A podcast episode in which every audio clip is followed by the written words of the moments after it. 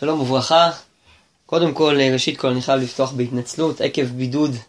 אה, אז השיעור השבוע מוקלט אה, מהבית, אז יכול להיות שיהיה פה רעש של ילדים תוך כדי, אז אני מתנצל מראש. השבוע אנחנו נעסוק בשאלה שהיא משמעותית בהלכות שמיטה, יותר משמעותית לחקלאים שזה עיסוקם, פחות לאנשים פרטיים, אבל היא משמעותית גם בנושאים הלכתיים רבים אחרים. והשאלה שעומדת בפתחנו היום היא בעצם כיצד להתייחס למלאכה שנעשית על ידי מכונה. עם התקדמות הטכנולוגיה, ברוך השם, בניגוד לעבר, שהאדם היה עושה את רוב, המכונ... אה, רוב המלאכות בשדה, האדם היה זורע, האדם היה חורש, האדם היה משקה, היום רוב ככל המלאכות בשדה כבר מתקיימות על ידי מכשירים, אם זה על ידי טרקטורים שחורשים, אה, מכונות זריעה, אפילו מכונות זמירה כבר יש לנו, ונשאלת השאלה כיצד להתייחס למלאכות שנעשות על ידי מכונה ולא על ידי האדם.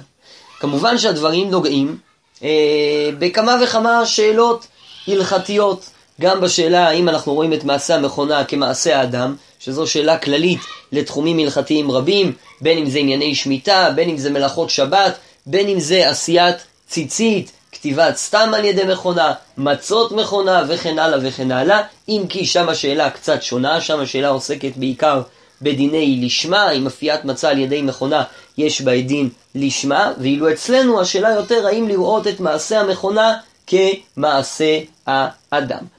מלבד זאת נצטרך לדון גם בדיני שמיטה, האם איסור השביעית שונה בזה מאיסורים אחרים כגון איסור מלאכות שבת וכדומה, או שאפשר ללמוד אחד מהשני. אז השאלה הזאת אה, עלתה בהר צבי, הרב פרנק מעלה אותה באורח חיים, חלק א', סימן ר"ח, יש גם סימן מקביל אה, בחלק על זרעים, והסימן הזה עוסק בעיקר בהלכות שבת, אבל דרך אגב, מסתפק ההר צבי גם לגבי שביעית. וזה מזמן הסתפקתי בעבודת הזריעה.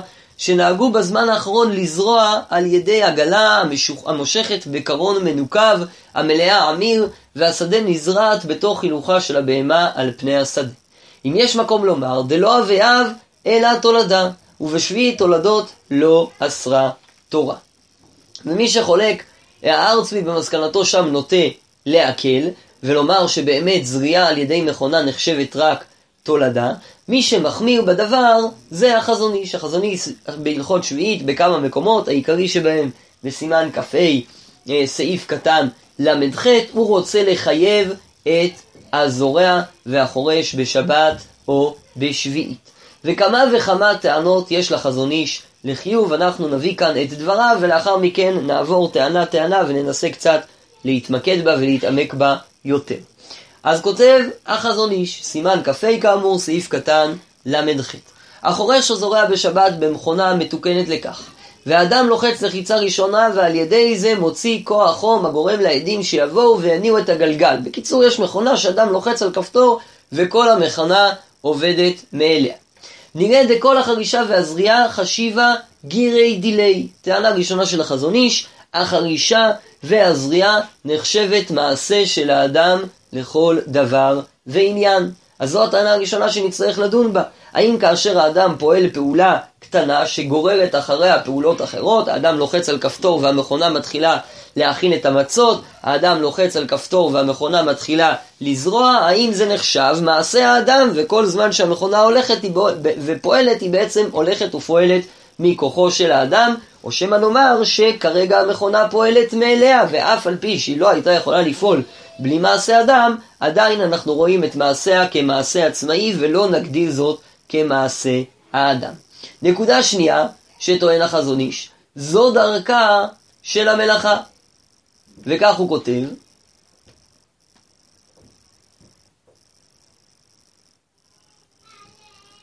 במלאכה שעיקרה בכוחו אינו חייב על מעשה בהמתו.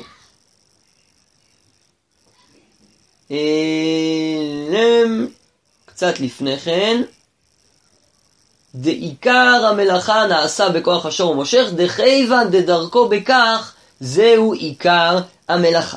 כאן טוען החזון איש, טענה שנייה, כיוון שדרך מלאכת החרישה היא להיעשות על ידי שברים, גם בעבר לקחו שור, שמו עליו את עול חיברו לעול מחרשה וכך חרשו את השדה, אז זו דרכה של המלאכה. ואם זו הדרך הרגילה לעשות את המלאכה, היא נחשבת כמעשה אדם למרות שלא האדם בעצמו עושה אותה. זו הטענה השנייה שנצטרך להתמודד איתה. והטענה השלישית, אם נרצה להקל כמובן, נצטרך לדון בה, הטענה השלישית שטוען החזון איש, לעניין שביעית חייב על זה בין משום חורש ובין משום זורע, ואף על גב דאמרו בשביעית, במסכת מועד קטן, דף ג' עמוד א', אבות אסרה רחמנה תולדות לא אסרה רחמנה, לא מקרי תולדה אלא בשינוי בצורת המלאכה, כמו משקה מים לזרעים. אבל כשאין שינוי בצורת הזריעה ובצורת החרישה, אלא האדם מכין השתלשלות אמצעיות בין מעשיו לעצם הזריעה, אין כאן נידון רק אם חשיב מעשיו או לא, ואם חשיב מעשיו, הרי זה בכלל האב של זריעה. אומר החזון איש, אי אפשר להיפטר כאן על ידי שינוי, מכיוון שסוף כל סוף הזריעה נעשתה בדרך הרגילה. אמנם לא האדם עשה אותה, אלא המכונה, ולכן צריך לדון בדיונים הקודמים, האם מעשה המכונה בדרך הרגילה נחשב כמעשה האדם או לא, אבל אם נניח שאכן מדובר כאן על מעשה האדם, אי אפשר לומר שיש כאן שינוי, ולכן מדובר רק על תולדה. זו הטענה שההר צבי פתח בה, הוא רצה לטעון שזריעה איננה נחשבת כאב, מכיוון שיש שינוי שלא עשה מלאכה זו ישר בידיו, אלא על ידי עקיפין ועל ידי סיבוכים, עד שנתגלגל מלאכת הזריעה, ולכן רוצה לטעון הרב פרנק שמדובר כאן אך ורק על תולדה. אז אם כן, שלוש טענות יש לנו כאן. ראשית, טוען החזון איש, הכל נחשב מעשה האדם כי האדם התחיל את המעשה, דבר שני, כיוון שזו הדרך הרגילה לעשות את המלאכה, ממילא היא נחשבת כמעשה האדם, וטענה שלישית, כיוון שאין שינוי בתוצאת הזריעה, אי אפשר להתייחס לשינוי כאן, ובעקבותיו להגדיר את החרישה או הזריעה על ידי מכונה כתולדה. ובעצם החזון איש יש לו ראייה חזקה מאוד לשיטתו, הגמרא בכמה מקומות, גם אה, במסכת אה, מכות, גם במסכת פסחים, מונה אה, רצף של לאווים, מקרה שאדם עושה פעולה אחת ועל ידיה הוא חייב עובר על כמה וכמה ייסורים, והגמרא שם מדברת על מי שחורש תלם אחד והוא חייב שמונה להבין, ומה המציאות? חורש בשור וחמור והם מוקדשים, וכליים בכרם, ושביעית ויום טוב, ומופיעים שם עוד איסורים, זו הגמרא במכות, כ"א עמוד ב', ממילא מבואר בברייתא הזו, שמי שחורש על ידי בהמה, כי מדובר כאן על חורש בבהמות, בשור וחמור יחדיו, עובר גם על איסור שביעית. הרי לנו שחרישה על ידי בהמה נחשבת חרישה ואנחנו מחייבים עליה את האדם, ולכאורה יש כאן חיזוק גדול מאוד לשיטת החזון איש, שגם מי שעושה מלאכה על ידי בהמה, יתחייב עליה. אבל עדיין אפשר לחלק בין חרישה על ידי שור לבין עשיית מלאכה היום על ידי טרקטור. יכול להיות שיש חילוק בין חרישה לבין מלאכות אחרות, ויכול להיות שיש חילוק בין פעולה של בהמה לבין פעולות אחרות שאנחנו עושים היום, ובשביל לברר את הפרטים האלו אנחנו נדון בטענות החזון איש אחת לאחת.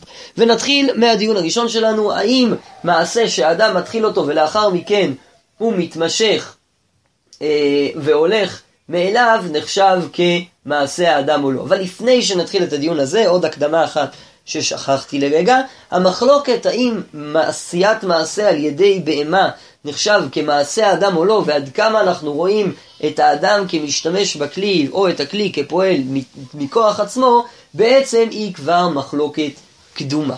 הרמב"ם בהלכות שבת, פרק כ', הלכות א' וב', מדבר על איסור מחמר. אסור להוציא מסע על הבהמה בשבת, שנאמר למען ינוח שורך וחמורך. אחד שור וחמור ואחד כל בהמה. ואם הוציא על הבהמה, אף על פי שהוא מצווה על שביתתה אינו לוקה לפי שאיסורו בא מכלל עשה, לפיכך המחמר אחר בהמתו בשבת והיה עליה מסוי, פטור. אז הרמב"ם כאן מדבר על מצוות עשה שביתת בהמו, בהמתו למען ינוח שורך וחמורך, וכיוון שמדובר כאן על מצוות עשה, לא לוקים עליה, ולכן אומר הרמב"ם, גם אדם שמחמר אחר בהמתו, יש מסוי על הבהמה, והוא ככה אה, אה, משכנע את הבהמה אה, לצאת מהתחום, קצת אה, דופק עליה, קצת עושה לה דיו דיו, וכך היא יוצאת מהתחום, במק... יוצאת מרשות לרשות, אז האדם יהיה פטור. ובהלכה ב' מתייחס הרמב"ם גם ללאו שמופיע לגבי שביתת בהמתו. והלא לאו מפורש בתורה, שנאמר לא תעשה כל מלאכה אתה ובנך ובתך ועבדך ואמתך ובהמתך, שלא יחרוש בה וכיוצא בחרישה.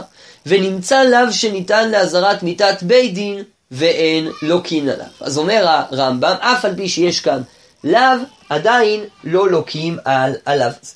מה יסוד שיטת הרמב"ם? אז יש שסברו שלדעת הרמב"ם, כאשר אדם עושה מלאכה על ידי בהמתו, היא לא נחשבת מעשה האדם. ולכן הרמב"ם מתייחס לאדם שמחמר אחר בהמתו ומוציא בכך מסוי מרשות לרשות, או לאדם שחורש על ידי בהמתו, כעובר על שביתת בהמתו, ולא כעובר על איסור חרישה. וכך הבין הרמב"ן בשתי מקומות, גם בחידושים למסכת שבת, דף קנ"ג עמוד ב', וגם בשורשים לספר המצוות, בהשגות על שורשי הרמב"ם בשורש י"ד, בשניהם הרמב"ן מבין שלדעת הרמב"ם, כאשר אדם עושה מעשה על ידי בהמתו, אנחנו מתייחסים אל זה כמעשה הבהמה. ועל זה חולק הרמב"ן בשתי המקומות האלה. וכך הוא כותב בחידושים בשבת קנ"ג עמוד ב'. ונאמר בזה, שמפני שהחורש בבהמה הוא נותן עליה עול, והוא כובש אותה תחת ידו וברשותו היא עומדת, כל המלאכה על שם האדם היא, ובו היא תלויה ואין הבהמה אלא ככלי ביד האומן. ואינו דומה למחמר שהבהמה היא הולכת לנפשה, אלא שיש לה התעוררות מעט מן המחמר. אומר הרמב"ן, לא דומה חרישה בבהמה לאיסור מחמר. באיסור מחמר, שלדעת הרמב"ן הוא בכלל איסור דה רבנן, האדם רק גורם לבהמה לעשות פעולה, אבל היא פועלת מעצמה. האדם משמיע קולות, ואז הבהמה הולכת מעצמה. מה שאין כן בחרישה, שם האדם ממש משתמש בבהמה, כלשון הרמב"ן ככלי ביד האומן, ובשורשים בספר המצוות הרמב"ן מביא דוגמה יותר אה, ציורית, והוא משווה את החורש בבהמה כגון הגרזן ביד החוצב בו, והמסור ביד מניפו. הרי ברור שהמסור לא עושה שום מלאכה, הוא רק כלי שבאמצעותו האדם עושה מלאכה, ואומר הרמב"ן, כך גם מעמד הבהמה. כאשר עושה האדם מלאכה בבהמה, בעצם הבהמה משמשת רק ככלי ביד האדם. ראיה גדולה יש לשיטת הרמב"ן בירושלמי בסנהדרין פרק ז' הלכה ז', הירושלמי שם מדבר על דין הבהמה הנרבעת, כידוע הבהמה שרבעו אותה צריכה להיהרג, ואחת ההבנות שבגלילה היא צריכה להיהרג זה מכיוון שבאה תקלה על ידה, והירושלמי מרחיב את הדברים ומביא דוגמאות גם מתחומים אחרים, אחרים וכך נאמר שם, רבי שמעון ביי, הגה עצמך, שחרש בשבת, כוונה מי שחרש בבהמה, הרי הוא נסכל על ידה והיא פטורה. אז בניגוד לאיסור משכב בהמה, ששם הבהמה באמת מתה, בשבת, כאשר האדם חורש על ידי בהמה, לדעת הירושלמי האדם נסכל.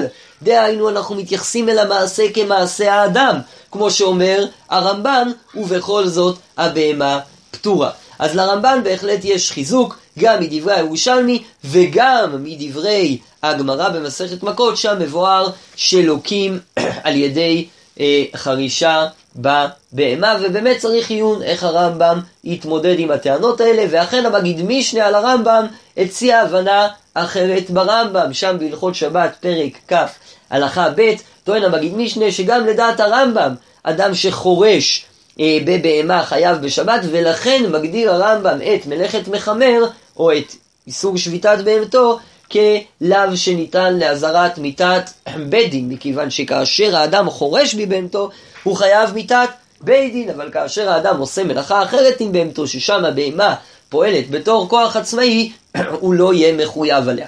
אז למסקנת הדיון הזה בדברי הראשונים, עולה בהחלט שמסתבר יותר לראות את מעשה הבהמה כמעשה האדם. ומכאן נגיע לדיונים שהעלה לפתחנו החזון. אז הדיון הראשון אמרנו, אנחנו צריכים לדון האם כאשר אדם עושה מעשה קטן שמתמשך לאחר מכן בכוח הטבע, זה נחשב כמעשה האדם או לא. ראיה גדולה לדברי החזון איש, שאכן מעשה כזה נחשב כמעשה אדם, והחזון איש גם מביא אותה ומבסס עליה את דבריו. זה, אלו כמובן דברי הנימוקי יוסף בבבא קמא, דף י עמוד א', בנוגע לדברי הגמרא, אישו משום חיציו. כך טוען רבי יוחנן בגמרא במסכת בבא קמא, לנוגע בנזקי, בנוגע לנזקי האש, שהאדם חייב על אש כי רואים את האש כמעשה האדם, ולא מכיוון שהאש נחשבת כממון. ומסביר הנימוקי יוסף כאילו בידיו העבירו כדאמרן. אישו משום חיציו, הכוונה שאנחנו רואים את האדם מדליק את האש בכל רגע ורגע, למרות שהוא הדליק את האש לפני חצי שעה במקום אחד, ועכשיו היא נמצאת לגמרי במקום אחר, מכיוון שכל התפתחות האש ותולדתה היה מכוחו של האדם, לכן אנחנו רואים את מעשה האש כמעשה האדם. ואז מקשה נימוקי יוסף, קושייה מפורסמת ונפלאה. והיא קשיא לך, אם כן, איכי שרינה נמחשכה להדליק את הנרות, והדלקתה הולכת ונגמרת בשבת. הרי בכל בית יהודי נוהגים שהאישה מדליקה נרות בערב שבת, והנרות דולקות גם בשבת עצמה. ואם נאמר אישו משום חציו, ממילא לכאורה האישה כאילו מדליקה את הנר גם בשבת, וודאי שזה אסור, שהרי לא תבערו אש בכל מושבתיכם, זה פסוק מפורש בתורה.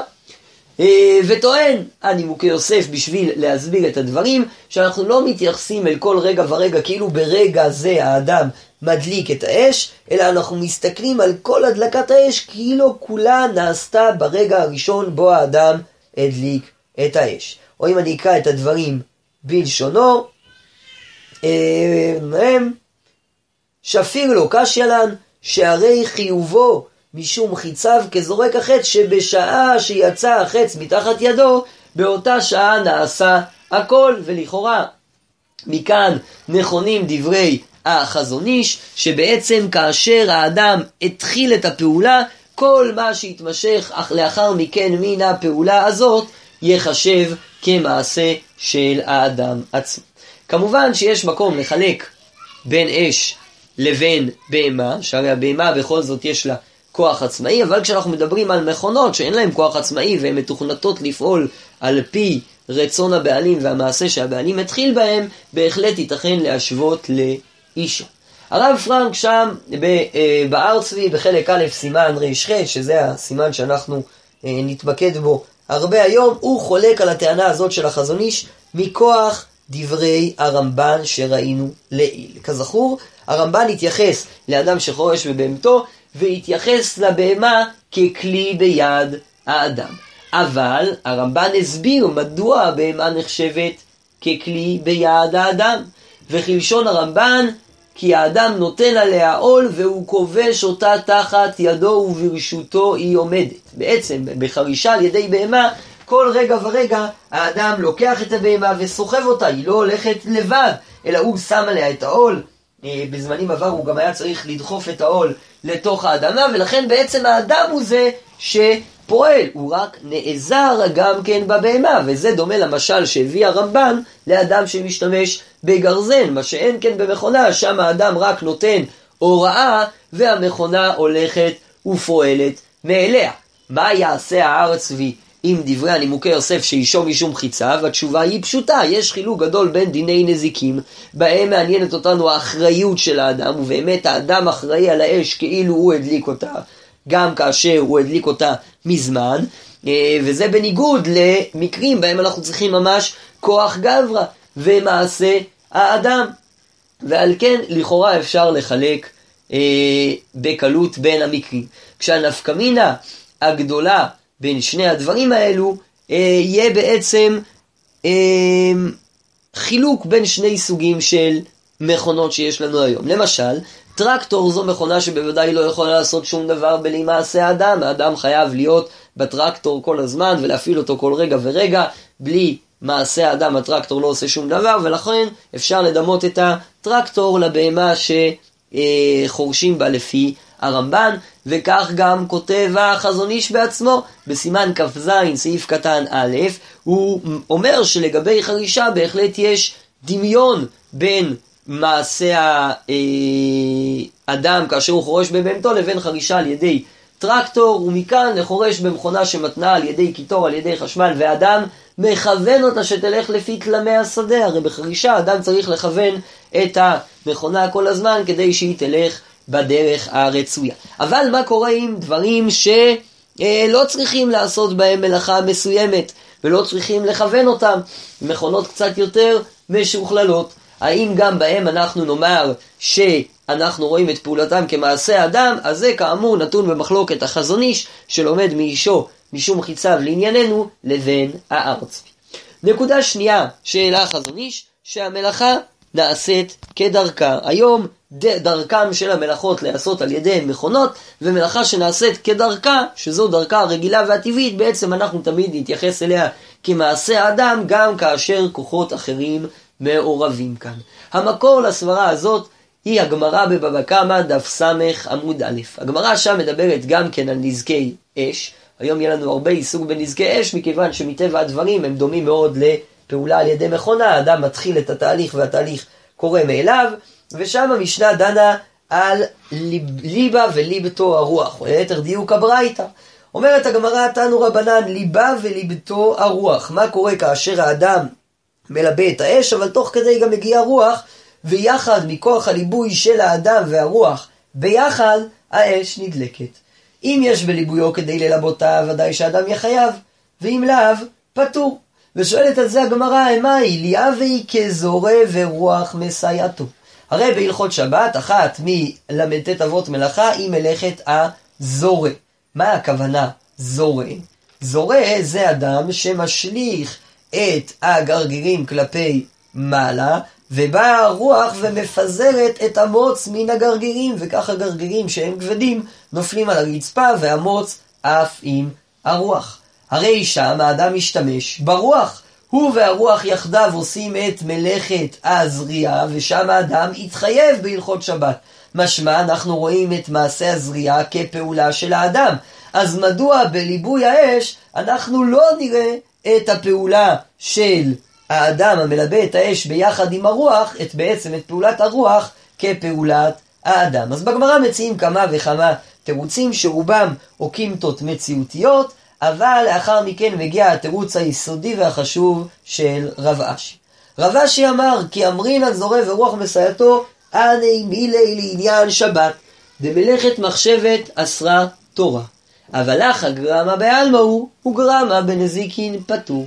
יש חילוק, אומר רב אשי, בין מלאכות שבת, בהם הכלל הדקות בידינו, מלאכת מחשבת אסרה תורה, וזה הררים התלויים בסערה אה, לחלק מהדעות. מלאכת מחשבת אסרה תורה, מה הכוונה מלאכת מחשבת? אז יש על זה כמובן הרבה דיונים. הייחודיות בדברי רב אשי זה שכאן, בניגוד לרוב המקומות, מלאכת מחשבת מהווה קריטריון לחומרה.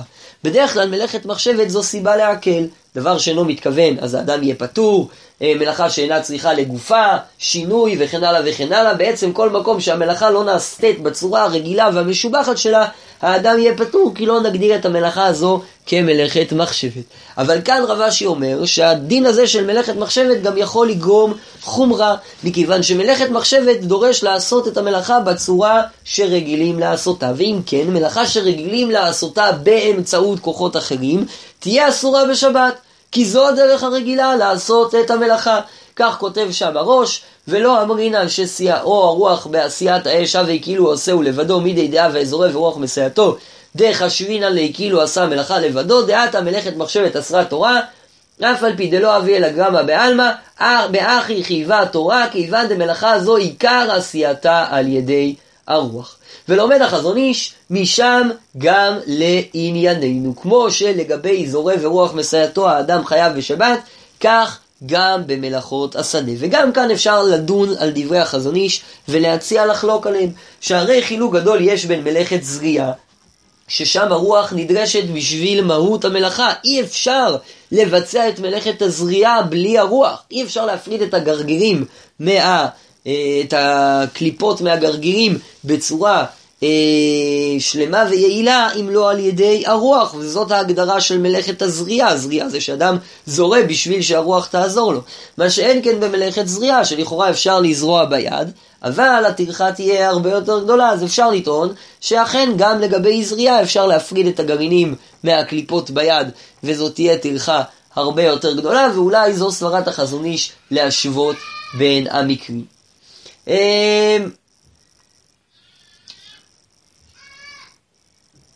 בכל אופן, אה, חילוק נוסף מצאנו באיגליטל, האיגליטל במלאכת חורש עוד ג' התייחס לדברי הראש בסוגיה הזו, והוא הקשה עליהם מדברי הרמב"ם במקום אחר, גם הוא בהלכות שבת. פרק י' הלכה כ"ב בנוגע למלאכת צד. פוסק הרמב"ם הלכה מאוד מעניינת.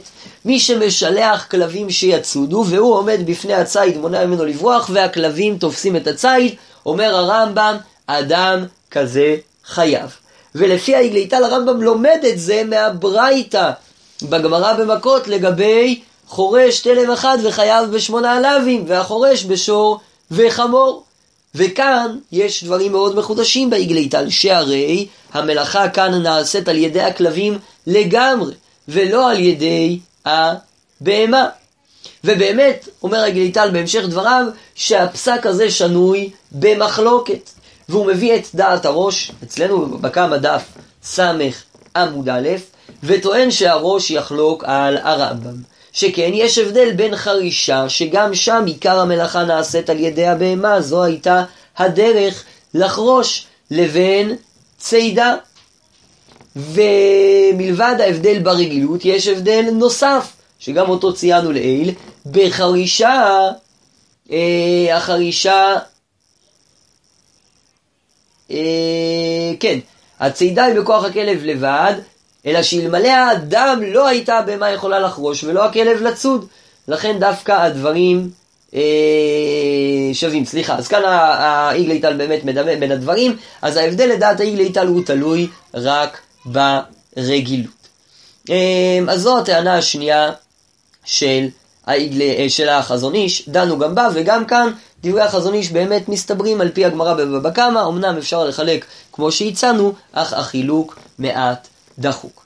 מחלוקת נוספת באחרונים שקשורה לשתי השאלות שדנו בהן עכשיו, האם לראות את מעשה המכונה כמעשה אדם, זו מחלוקת מפורסמת גם כן, גם היא בהלכות שבת, בין המגן אברהם לבין אבן האויזר. המגן אברהם בשתי מקומות טוען שמעשים שנעשים על ידי אמצעים חיצוניים ולא על ידי האדם בעצמו, גם אם יש לאדם חלק בהם, אינם נחשבים מעשי האדם ולא חייבים עליהם בשבת.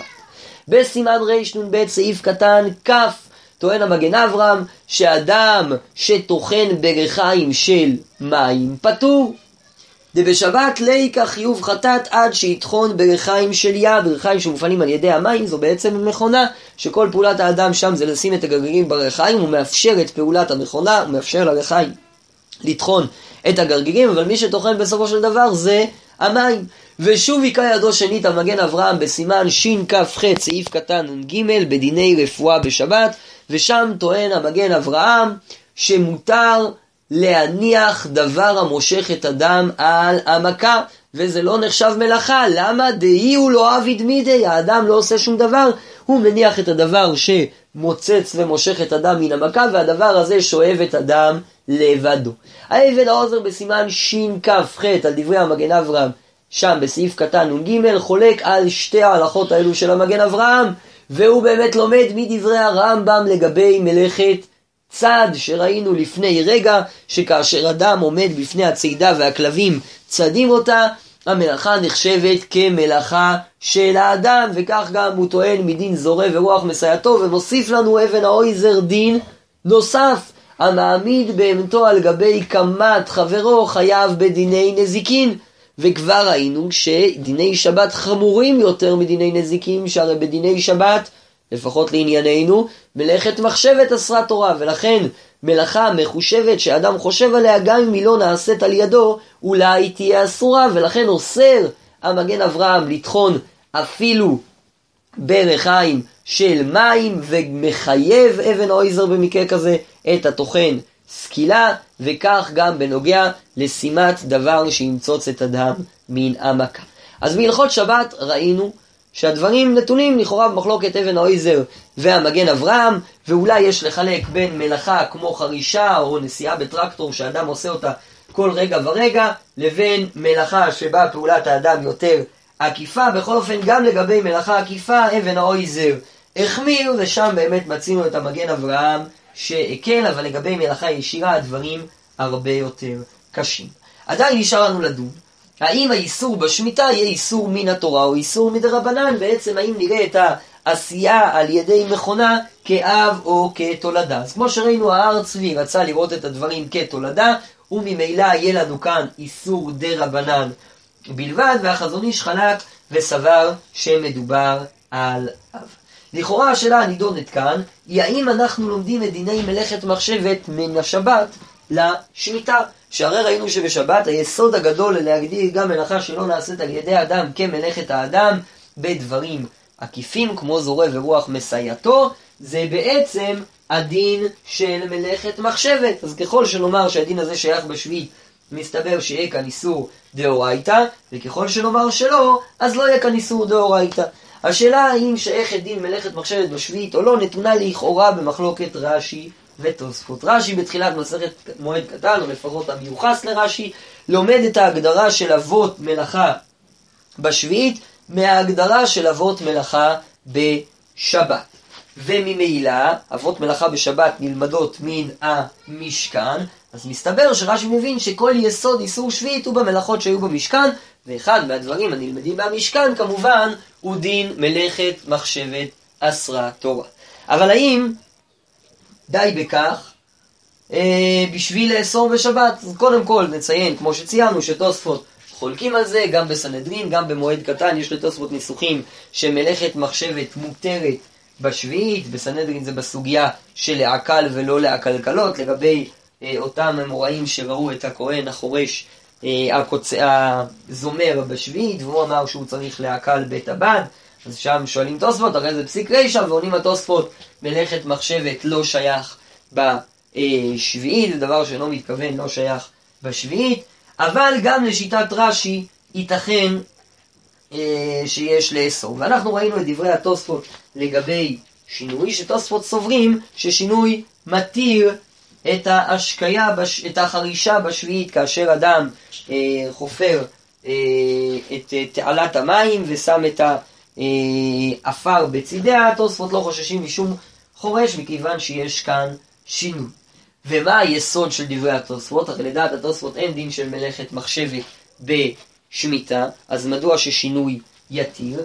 אז כאן אנחנו נזקקים לדברי האגליטל, דברים מאוד יסודיים, גם בפתיחה בסימן ג', זה מופיע אחרי זה גם במלאכת בישול, לגבי תולדות חמה, לגבי בישול וחמה. בשתי המקומות הללו טוען האיגליטל שיש לחלק בין שני סוגי שינוי. יש שהמלאכה עצמה בלתי נפעלת כראוי, וזה שינוי באיכות הנפעל. יש מקומות שבהם האדם משנה שינוי שמשפיע על תוצאת המלאכה. הדוגמה שמביא איגליטל זה מי שזורע בעציץ שאינו נקוב. השינוי הזה, לדעת איגליטל, משפיע גם על התוצאה. הצמח לא יונק מהקרקע, אלא אך ורק מהעפר שנמצא בתוך העציץ. שינוי כזה לדעת איג ליטל מותר לחלוטין בשבת, ולכן מי שמבשל בחמה בשבת מותר, כמו שרש"י כותב, שאין זה דרך בישול, מסביר האיג ליטל. זה לא רק שינוי שעובר את המלאכה מאיסור דאורייתא לדרבנן, אלא זה ממש מתיר אותה כי הבישול הוא לא באותה איכות. אפשר לדון על זה בהלכות בישול, כרגע לא נעשה את זה, אנחנו רוצים ללמוד מהאיגליטל רק את החילוק היסודי שלו.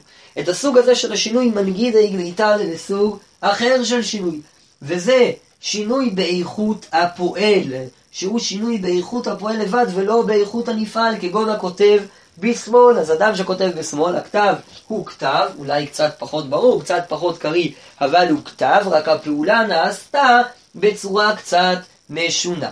ודבר כזה, אומר האיגליטל, הוא מתיר או פוטר בשבת רק מדין מלאכת מחשבת. ממילא הסוג הראשון של השינוי יהיה שייך בכל הש"ס כולו. באמת מצינו סוגיות אחרות בש"ס שמדברות על שינוי, אם זה הנאה שלו כדרכה, שנלמדה בגמרא במסכת פסחים, או אה, אדם שמקטיר שלא כדרכו, כמו שמופיע בגמרא במסכת זבחים, וכן הלאה וכן הלאה. ושינוי כזה לכאורה שייך גם בשביעית, וכך אה, יש פתח אולי להתיר גם שינויים מסוימים בשביעית. אלא שהשינוי במקרה שלנו בעשיית פעולה על ידי מכונה, גם אם נגיד שמדובר כאן על שינוי ואין כאן את דיני מלאכת, אה, סליחה, גם אם נגיד שמדובר כאן על שינוי, עדיין הוא שינוי שהוא רק באיכות הפועל. הזריעה בסופו של דבר היא אותה זריעה. ובאמת ההר צבי זו השאלה שהוא פותח בה, האם שינוי שהוא רק שינוי בפועל ולא שינוי בנפעל, שינוי בדרך לעשיית המלאכה, אבל התוצאה היא אותה תוצאה, האם שינוי כזה מגדיר את המלאכה כאב או כתולדה. כאמור, מסקנתו ששינוי כזה מגדיר את המלאכה כתולדה בלבד, והיא תהיה אך ורק איסור דרבנן. לכאורה השאלה הזאת תלויה בשאלה מה מהות האיסור בשביעית, וזו הסוגיה שבעצם פתחנו בה את כל הסדרה שלנו. ככל שנאמר שהאיסור בשביעית הוא כלפי האדם, האיסור שהאדם יפעל, אזי שינוי בדרך עשיית הפעולה יועיל לפתור גם כן, מכיוון שהפעולה לא נעשתה בדרך הרגישה, הרגילה שלה, וכאן יש חשיבות לצורת העשייה, ואפשר ללמוד ממלאכת שבת, שם בוודאי האדם הוא זה שאסור בעשיית המלאכה.